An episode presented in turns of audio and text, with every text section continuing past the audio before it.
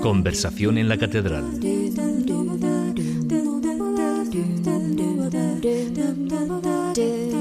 El otro lado del personaje de la mano de Cherra Díez Unzueta.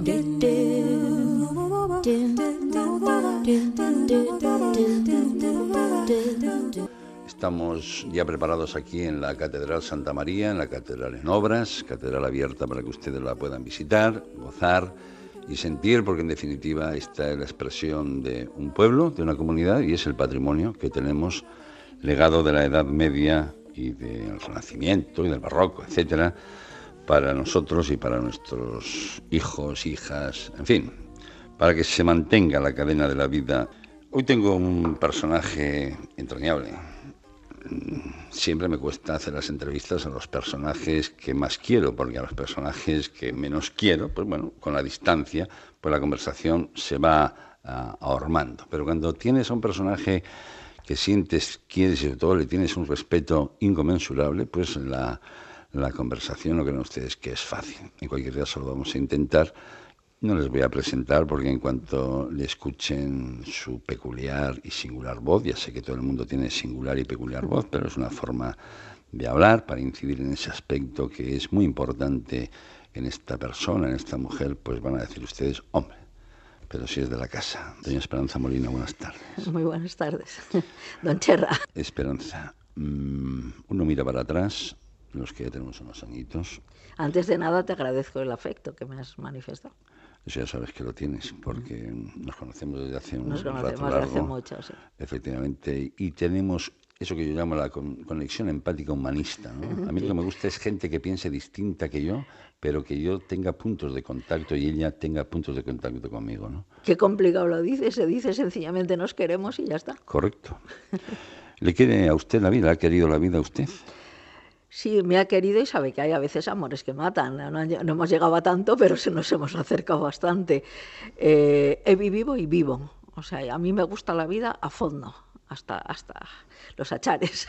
¿De dónde ha sacado usted esa fuerza? No, yo creo que, que la, la misma vida te la va dando de, de ganas, de que me gusta la vida y me gusta la gente.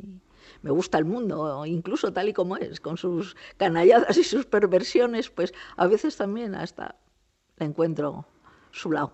Porque usted ha vivido la vida en situaciones, ahora las vamos a contar, las Sí. va usted a rememorar, cuasi extremas. Sí, sí, sí, sí. Usted la vida le ha Sí. zurrado.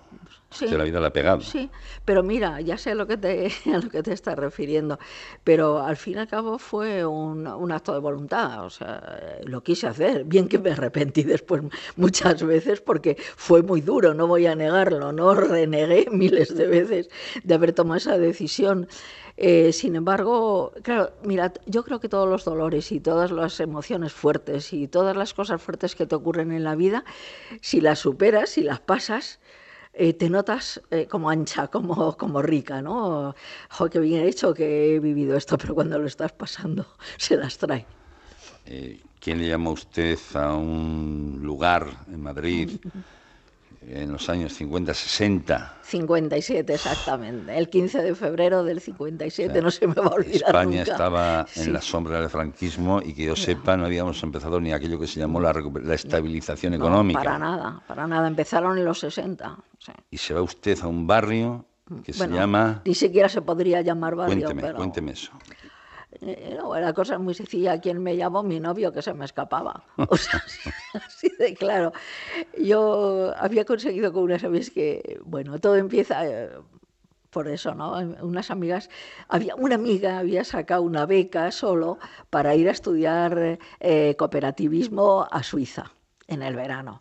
Entonces dijimos, otra y yo, oye, ¿y ¿por qué no nos vamos las tres? Mujer total, con comer poquito y con y dormir las tres en la misma cama, pues nos arreglamos. Bueno, esa, ahí ya, empe- ya empezó la historia porque fue terrible, porque nos encontrábamos a, a- a casi 5.000 kilómetros de Madrid.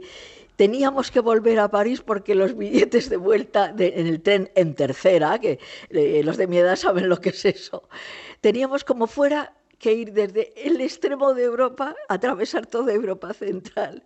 En autostop, claro, porque imagínate una beca partida por tres y una beca de las de entonces. Y el objetivo era llegar a París porque ya a París, aunque no comiéramos, pero teníamos el tren que nos iba a llevar a Madrid. ¿no? Eh, eh, lo gracioso, bueno, gracioso no sé si es el adjetivo, pero eh, lo, esto, lo peculiar era que el novio de, de, toda la vida, el que tenía desde que entré en la universidad, el único que he tenido, dicho sea de paso. Bueno, ha habido algún intento una que otra, pero lo, es lo único que he tenido. Es, nadie es perfecto. Bueno, entonces, pues yo iba recibiendo en todas las postes restantes de todos los correos de Europa, iba recibiendo cartas del susodicho.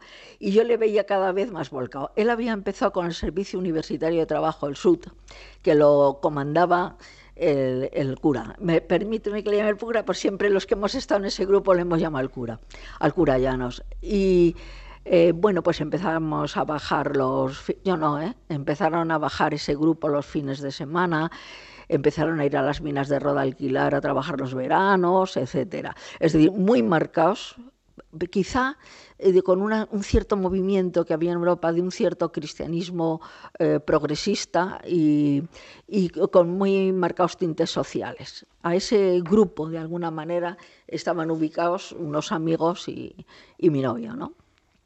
Y entonces yo notaba en las cartas, cada vez más inclinado hasta que ya recibí una carta definitiva eh, que me decía, mira, no tiene sentido que yo venga, haga, haga de pobre y de trabajador dos días al año y después vuelva a mi casa, que vivía cerca de la Gran Vía, sus padres, y me, me duche, me arregle y me vaya al cine contigo. No tiene sentido o lo dejo o, yo, yo me dedico 100% a esto y voy a, terminar la carrera y me voy a a vivir y todas estas cosas. Y de alguna manera es como decir, yo te devuelvo tu palabra, ¿no? O sea, tú haces lo que quieras. Y yo dije, cielos, que este hombre se me escapa. Así de claro, no, no puedo decir que yo tenía entonces una, no tenía ninguna idea. Yo vivía, en, la, amor, yo vivía en la calle Serrano, ¿qué quieres que te diga, no? Hombre. sí, hombre, mi, mi, instituto fue el Beatriz Galindo, el de la calle Goya. Era usted casi una pija. He dicho casi.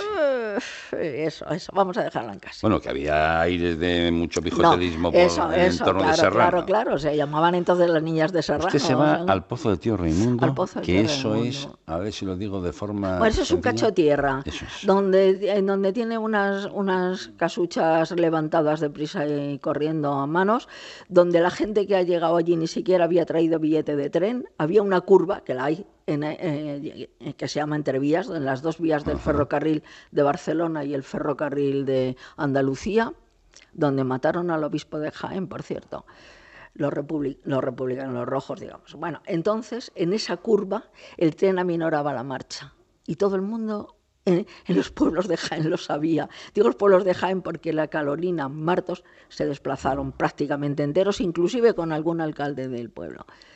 Y de allí se tiraban se tiraban en marcha y allí y como era allí en esa tierra donde caían sencillamente y unos se iban llamando a otros era un momento en el que aparentemente la posguerra empezaba a estar lejos pero no era cierto. Esta gente eran residuos humanos de, la guerra y de la posguerra. Era gente que quería irse del pueblo que acababan de salir a lo mejor de la cárcel eh, que se encontraban con la familia deshecha las mujeres habían muerto se habían casado tenían hijos con otros o, ellos, bueno, había de todo, ¿eh? había familias que iban desde los abuelos hasta los nietos, todos en comandita, decir. Y era muy curioso porque, claro, mm, yo no bajé hasta que no me bajé ya casada, ¿eh? no tenía ni idea de cuál iba a ser mi casa, ni nada, con gran desesperación, te puedes imaginar mi madre y la hermana de Paulino. Era, bueno, es que no podían entenderlo, ¿no? Te diré que... No es fácil entender. no, no es fácil de entender. Solo lo entendió mi padre y no lo reconoció nunca, no me lo reconoció nunca, pero me he enterado después que estaba incluso orgulloso. Estamos hablando de un lugar donde no hay agua. No, no, no hay, agua, no hay nada. Mira, no hay eh, alcantarillas. Hace un rato te hablaba yo de un pequeño problema de salud que yo tenía y justo viene de cuando a mí me tuvieron que sacar en una silla de Enea ¿sabéis lo que es la silla de Enea, supongo? Pues cuatro vecinos para, para poderme llevar hasta una ambulancia para que me llevaran a dar a luz. Y eh, yo tenía, eh, había contraído en el octavo mes la gripe asiática de los años, del año 57. Y cuando me desperté tenía un hijo que le habían puesto de nombre el santo del día, porque la verdad es que había sido una, una operación y una situación tremenda. Y yo, embarazada, pesaba 36 kilos. Madre mía. soy menudita y bajita, pero, pero no tanto. Era, eh, fue terrible. O sea, yo es que de verdad es como si hubiera descubierto la otra cara de la luna. O sea, yo, no sabía que existía esa España. Sabía que había pobres. Y la, y la muletilla de tras pobres ha habido siempre. Incluso vamos a ayudar a los pobres, ¿no? Pero, o sea, fue una experiencia fuerte. Os podéis imaginar, estuvo a punto de costarme la vida. De hecho, no soy la única, porque como era un grupo, el origen era un grupo de universitarios unido a los curas, pues entonces, eh, claro, las, las, chicas que estábamos más o menos eh, eh, unidos con estos chicos, o casados o mm. como fuera, pues claro, éramos más o menos del medio del que ellos también procedían, de medio de profesionales, ¿no? de clase media. Y, claro, fue tremendo. O sea, eh, hubo alguna que perdió la razón, otra que perdió la vida, alguna que se suicidó, etcétera. Todo esto lo hacían ustedes por solidaridad, por eh, eh, criterio angélico. Eh, y eso te lo podría más decir, decir mi marido, que era aquel novio del que hablaba, ¿no? Te lo podía decir mi marido porque él es el que tomó la decisión de irse y yo la decisión de seguirle. Yo esto quedó que quede muy claro. ¿Cuándo es cuando yo, bueno, primero lo que hago es descubrirlo y decir esto qué es, ¿no? Y, por ejemplo, yo creo que ahí se abrió una especie de brecha entre mi madre, entre mi madre y yo. No mi padre, que nunca hablaba, porque era un señor que, al contrario que yo, no hablaba casi mm. nunca, hablaba poquito, poquito y bien, pero poquito. Mm. Y, le, horrorizaba lo que yo hablaba y decía, te vas a equivocar mucho en la vida, porque no, bueno, todas estas cosas.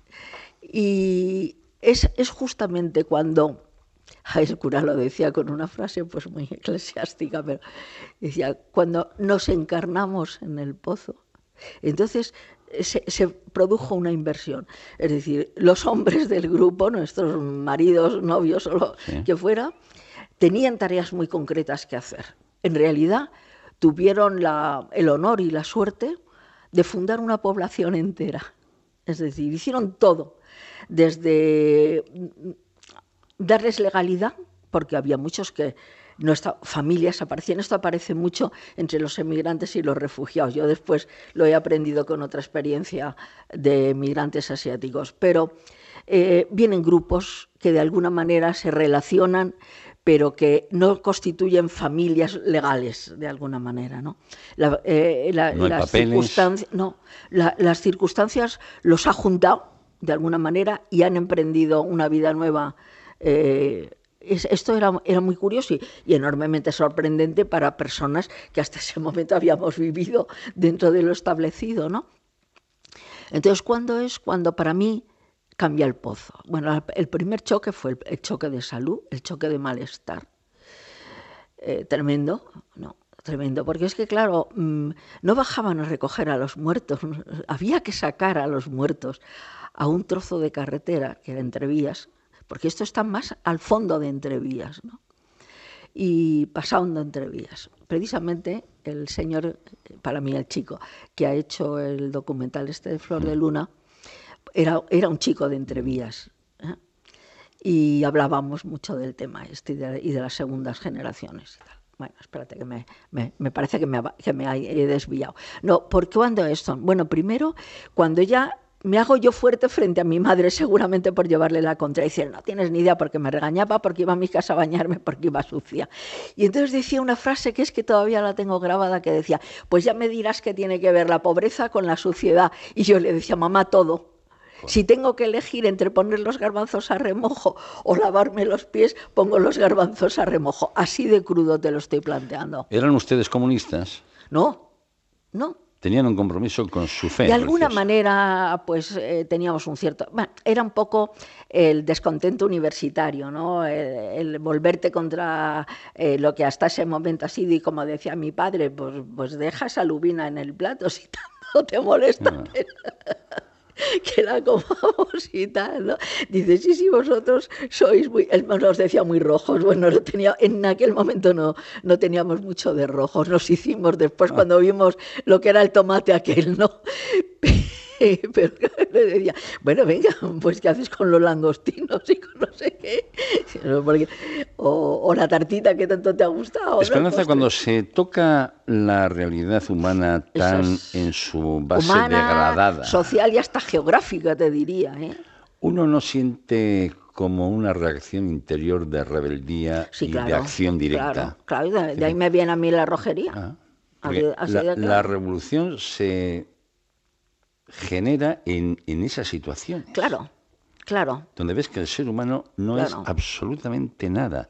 Es un animal que no tiene donde dormir. es, un desconocido. Mira, lo peor de todo es que es un, un desconocido. Nosotros lo éramos para ellos. te contaré una, una anécdota que yo creo que lo refleja muy bien. Eh, al principio, pues eh, todo, todo, el mundo como nos miraban, sobre todo yo aquellas miradas, ese mirar permanente. Ya cuando dejaron de mirarme dije, ya soy una de ellos, porque es que era, era tremendo, ¿no? Y me miraban, por ejemplo, las manos, que yo antes las tenía bonitas y blancas, ¿no? Y el que tuviera las manos blancas es algo que les fascinaba.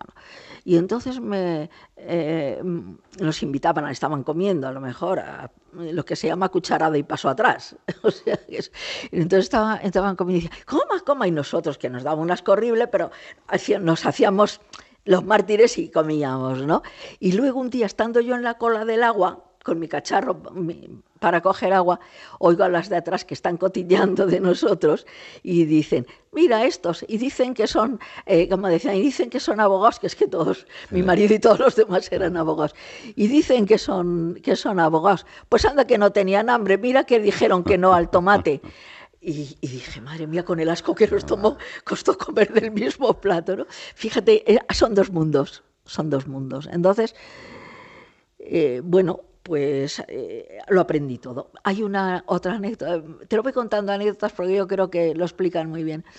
Al principio de estar en, aquella casa, que tenía el suelo de tierra, por cierto, pues claro, no había, que encender la lumbre eh, con la leña, el papel y tal. mira, claro, yo jamás había encendido una lumbre de esas ni de ninguna, es la verdad, pero bueno, se me formó una humareda que vino la vecina. Bueno, me la envió un ángel si pensáramos que los ángeles andan por ahí haciendo cosas buenas. Bien, me, y bueno, la, mira, me sacaba como medio metro de estatura. Una mujer de 60 años, la mujer más hermosa que he visto yo en mi vida. Unos ojos azules que no le cabían en la cara, un moño tirante para atrás. El arquetipo de, la andaluza de verdad y se me ponen jarras, me acuerdo yo un mandil blanco y negro, se ponen jarras y dice, ¿qué pasa en tu casa? Que me vas a un mar como a las sardinas. Y, le, dije, no, mira, es que yo creo que esto no tira.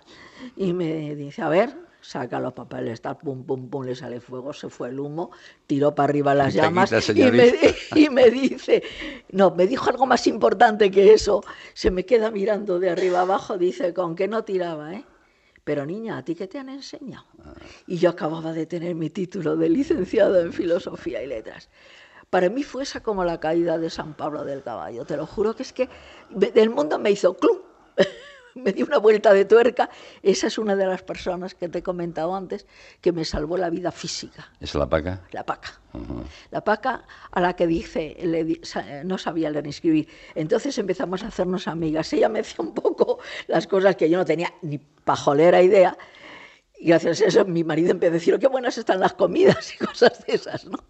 Que yo no tenía, no sabía si se ponían los garbanzos a remojo o no. Bueno, y entonces ella, y yo le leía las cartas de los hijos, que no sabía uno de ellos si estaba en Australia o en Alemania porque todo empezaba igual. Ah.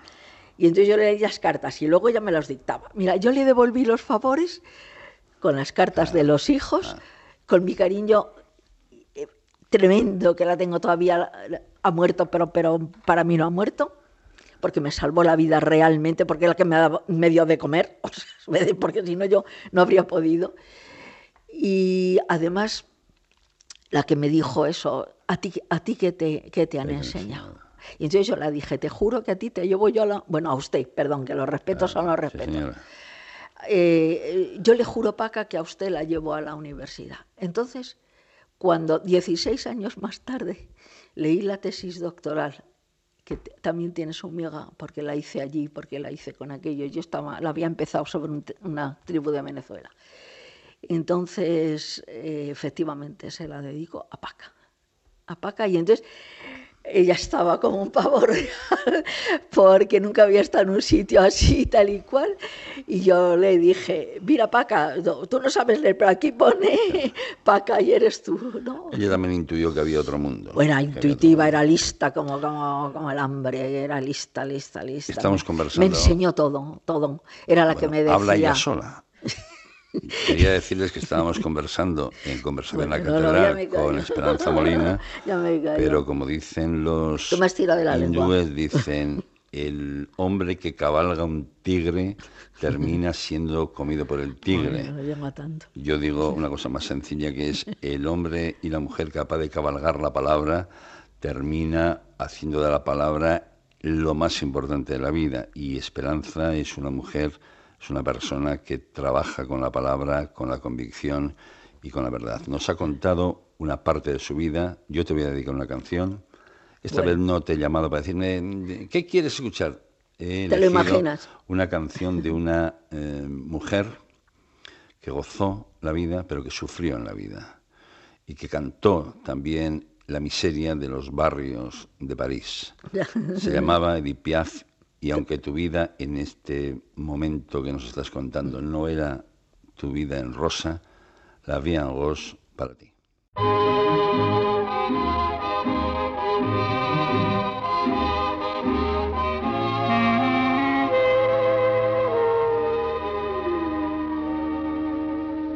Des yeux qui font baisser les miens, un rire qui se perd sur sa bouche, voilà le portrait sans retour de l'homme auquel j'appartiens.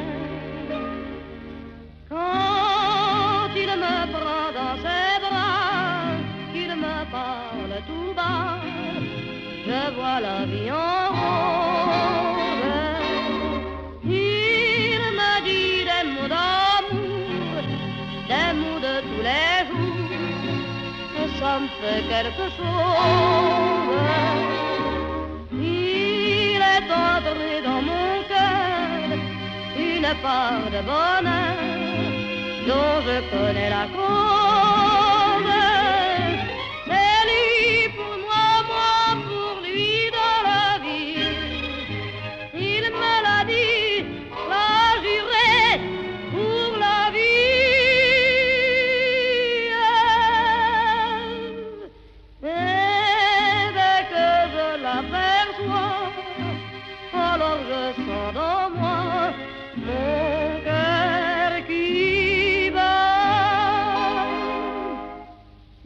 D'amour à plus finir, un grand bonheur qui prend sa place, des ennuis, des chagrins s'effacent, heureux, heureux, en mourir. Quand il me prend dans ses bras, il me parle tout bas, je vois la vie en rose.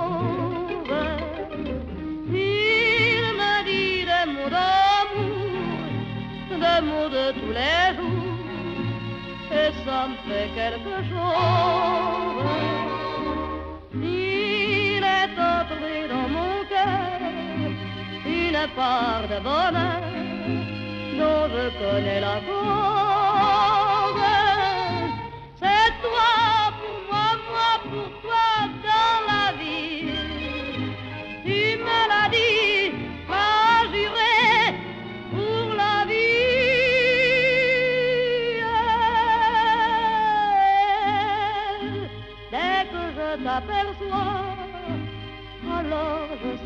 Moi.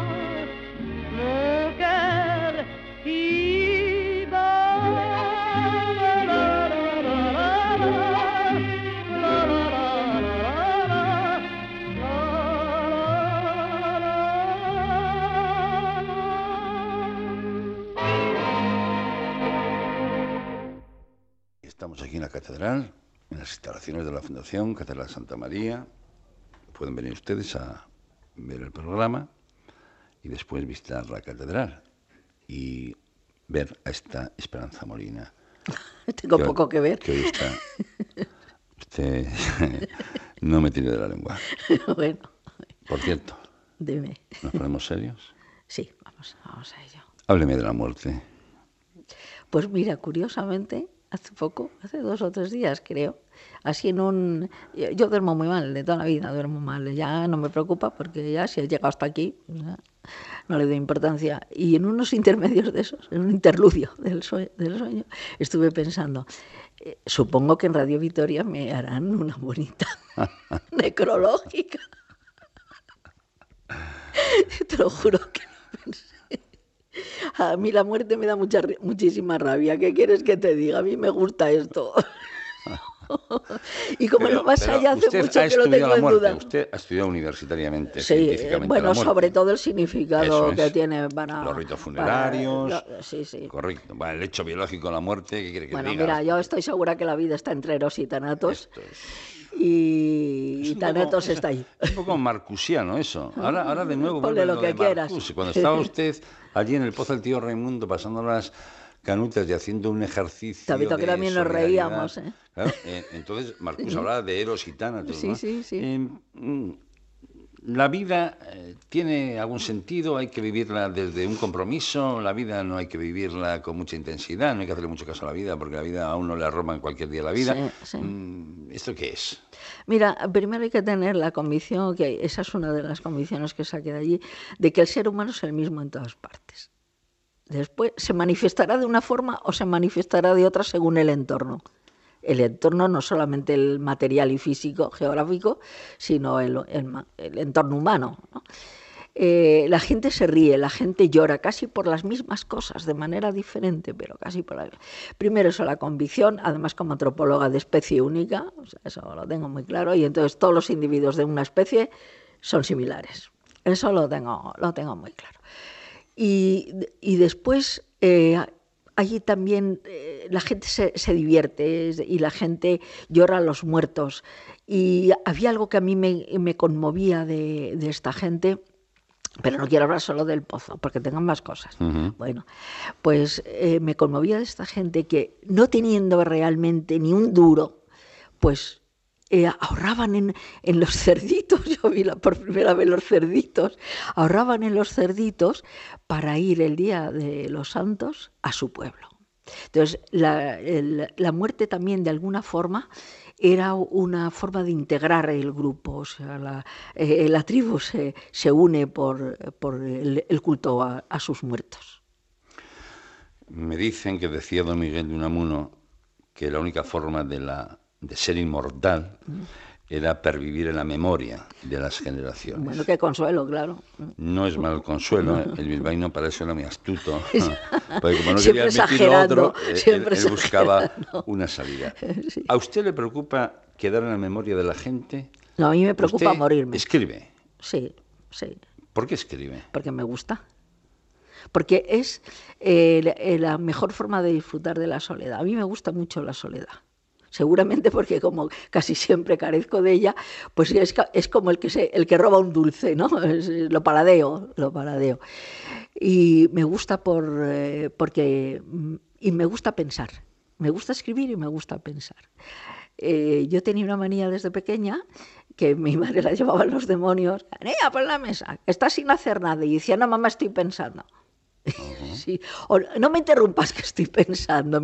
Claro, yo como madre ahora me lo dice un hijo mío, le pego un, so- un cachetón. ¿no? No se puede pegar. No, ya lo sé, pero entonces sí podía, así que... eh, Tenían ustedes licencia, sí. Tenía licencia. A uno le tiene una vez una barra de, man- de, de desesperación que me entró. Pero cuando pienso, no, tiro barras de pared. ¿Ha escrito usted sobre la muerte? La muerte está presente siempre. Digo, o sea, tienen ciertos años como yo, más todavía. Me da muchísima rabia. Pensar que esto se tiene que acabar es que no lo acepto. Y, no, no entiendo cómo se sigue matando. La muerte está ahí, ¿no? Pero matar es algo que es que me, me parece irracional, o sea, absolutamente irracional. Es algo que, confío. ¿Te quedan esperanzas? Me queda la esperanza de que algún día la humanidad deje de matar. No de morir, eh, pero sí de matar. Arrebatar la vida, coño, es el único que tenemos. A Miguel Hernández Ah, qué maravilla. le arrebataron la Compañero vida. del alma. sí. Y en mis tiempos de profesor explicaba que la elegía Ramón Sigé, a un Sí, amigo suyo que le escribe, Esa precisamente. es la mayor poesía escrita en castellano con el tema de, De la muerte. de la muerte, Sin duda ¿verdad? ninguna. Se la voy a dedicar Bien. y le aviso que nos queda poco tiempo y hay muchas cosas que contar, así que Bueno, vamos, a, vamos a acelerar la conversación. Pero antes vamos a escuchar al grupo Harcha Mm. con este epitafio que sobre todo le dedico a usted y le dedico a todo el mundo que en estos momentos esté sufriendo una circunstancia de paro, de enfermedad, Sí. de accidente, de malestar, de desamor, es decir, para los que sufren. Sí. Porque los que gozamos, pues ya lo tenemos todo solucionado. Claro. Pero hay una parte doliente de la humanidad. Terrible. Y a esa parte que nos escucha, una parte chiquitina, le vamos a dedicar esta canción, que es un poema cantado mujeres, ancianos, para todos ellos. a todos ellos.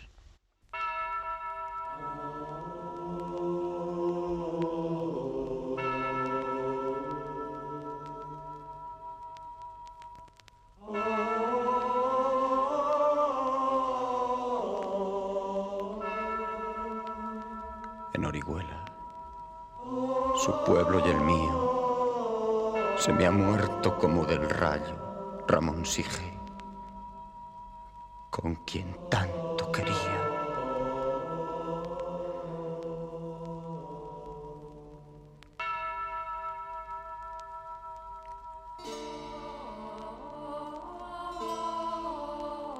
Yo quiero ser llorando el hortelano de la tierra que ocupas y estercolas, compañero del alma tan temprano, alimentando lluvias, caracolas y órganos mi dolor sin instrumento. A las desalentadas amapolas daré tu corazón por alimento. Tanto dolor se agrupa en mi costado que por doler me duele hasta el aliento.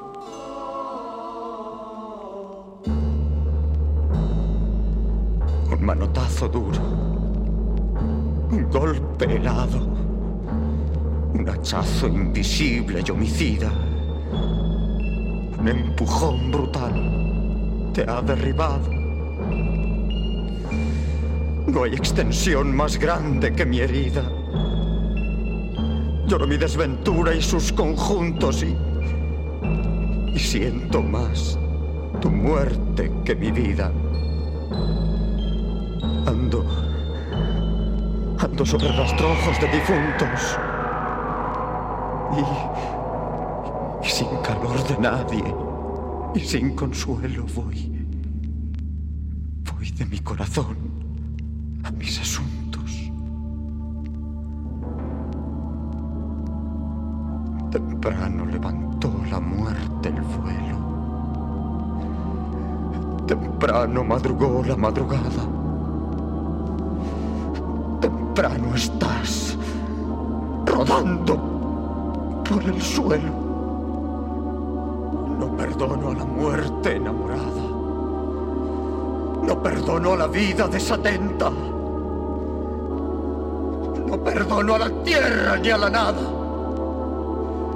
En mis manos levanto una tormenta de piedras, rayos y hachas estridentes, de catástrofes y hambrienta. Y quiero escarbar la tierra con los dientes. Y quiero apartar la tierra parte a parte, a dentelladas secas y calientes.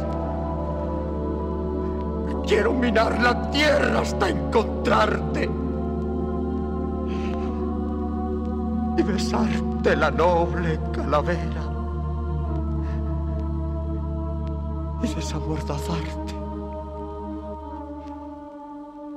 y regresarte.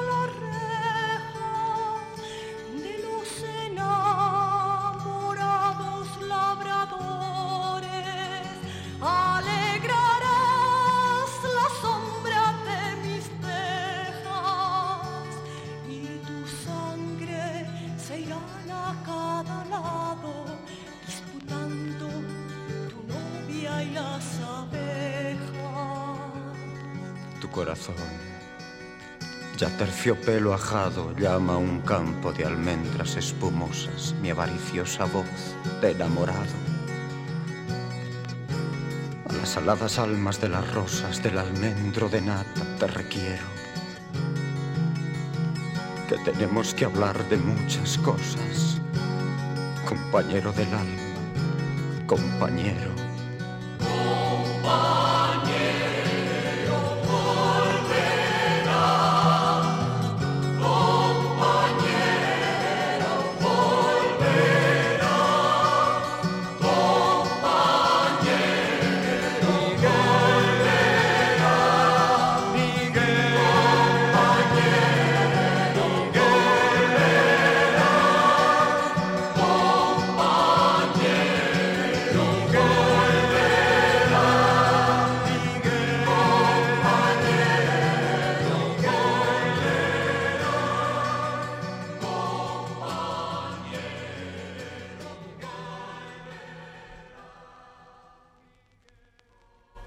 Esperanza Molina. Ay, Qué esto tío. se avisa. Qué tío, ¿eh? Sí. Oiga, Bueno, además este, este Murciano, poema es que es... pastor, comprometido ya. con la izquierda. Sí, sí. Un hombre que escribe una Es un poesía poeta, mira, preciosa un a su niño en la cárcel. Impresionante, lo acaban de Ya, sí, recuperar. Ah, sí, Miguel Hernández. sí, sí, sí. Por cierto, La verdad es que el ser humano cuando se pone a hacerlo bien lo hace, Lo muy bien. Sí. algunos. Otros- cuando se pone. Otro vamos a la cola de la torpeza. Sí. Eh, ¿Qué tiene el ser humano para que sea capaz de transmitir estas vibraciones? Sí. Eh, pues tiene la humanidad. Es decir, tiene la categoría de, humano. Eh, Fíjate, eh, la cantidad de cosas biológicas que tenemos comunes con cualquier ser vivo. Eh, comer, morirnos, procrear, todo esto. Bien, ¿en qué nos diferenciamos? En que el ser humano es capaz de expresarlo con un lenguaje que en realidad es un, es un método um, simbólico, porque está tota- totalmente, es decir, nuestra alimentación no tiene nada que ver con la que puede hacer cualquier otro ser vivo. Tenemos la gastronomía, tenemos el placer de la comida, las eh, comidas rituales, eh, los venenos, los ah, alimentos que en una cultura se consideran eh, buenos y en otra que se, y, eh, y que se consideran malos. Eh, fíjate, por ejemplo, un- una cosa tan simbólica ¿no? y tan extendida como es la Eucaristía, y es pan y vino. Y, y somos capaces, es decir, y hay muchos millones de personas que así lo creen, capaces de transformarlo nada menos que en un Dios. Es decir, que ese, ese salto, es, a, mí, a mí es que la humanidad me fascina, ¿no? Es lo que es capaz de hacer el, el ser humano, pues bueno, es, es así, que, que luego me dices que me enrollo. Esto es Conversación en la Catedral, hoy con Esperanza Molina. ¿Le suena a usted la calle Ferraz en Madrid? Y un poquito, ¿Ha estado usted alguna vez en la calle Ferraz? sí señor, ¿Y en algún número de la calle Ferraz? también. Porque me dicen que usted en la calle Ferraz, eh, en fin, como Eso se decía dicen. en Durango, tiene aldabas. Es curioso porque eso dice. Eso dicen. Eh, al señor Jauregui Yo le no conoce dónde, usted. un poquito sí. Y al señor Guerra también. Ta- Bueno, Ya. he coincidido con él en Ya. determinados sitios. Y me puede decir cómo sale uno del pozo del tío Raimundo y se compromete con el socialismo. ¿Cómo hace Bueno, ese porque- tránsito? Pues, eh, pues muy bien. decir que Pues podría haber sido comunista, que parecía como más sí, lógico. sí, durante extrema. mucho tiempo yo no te creas que soy tan no, antigua pues, en el no. partido, no. Durante bastante tiempo eh, estuvimos, mira, mi marido estuvo en, en el tema de Atocha, con eso ya digo todo, ¿no? Eh, Porque es que tampoco te creas que ahí se afinaba, en, en, en este, en estos medios tampoco se afinaba tanto, o era rojo o era Te dice facha. su marido puede decir nombre y apellido. ¿no? Paulino Pérez Flores. Ah, claro. sí, sí, sí. No sé tiene usted marido clandestino por ahí. No, no, no. Perdón. Tampoco di para tanto. Volvemos. Usted sabe para cada, ah, cada uno sabe aquí lo que da. Sí, sí, No se claro. fíe de las Depende de la intensidad. No, no. Vale, venga, vamos, Vamos a la política, a la política. Venga, eh, parece ¿Cómo menos usted peligroso. la militancia política? Hay como una loca. En un partido, claro.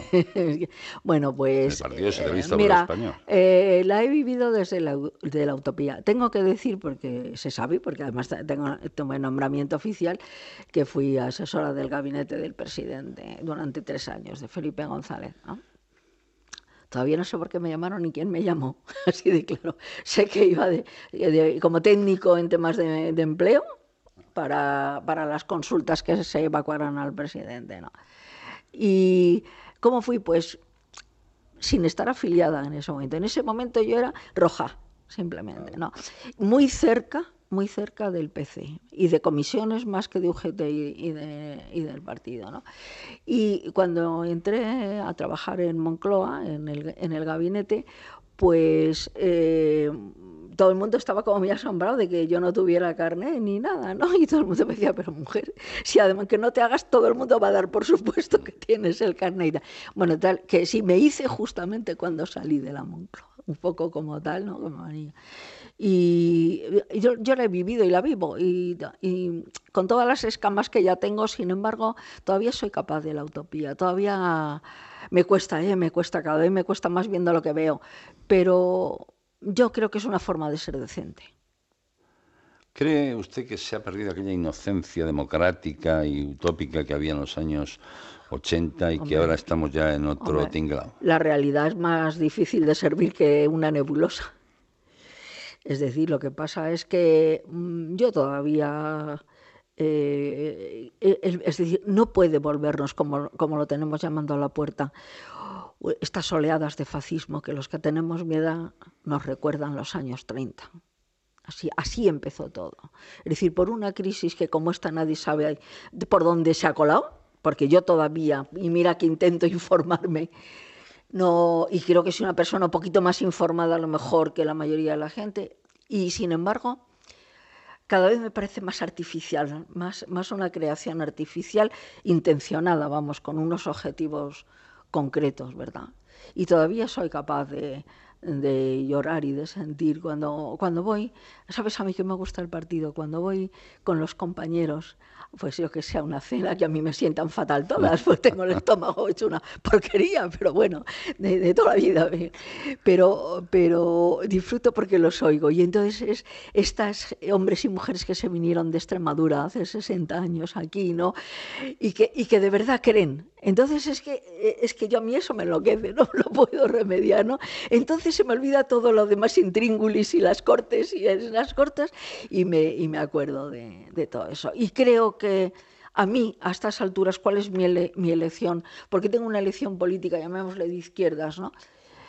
que a veces no sabes muy bien, pero bueno, llam- llamémosle de izquierdas, porque para mí, después de haber pasado por tantas etapas, eh, incluso de pensamiento, para mí es lo que me queda de decente.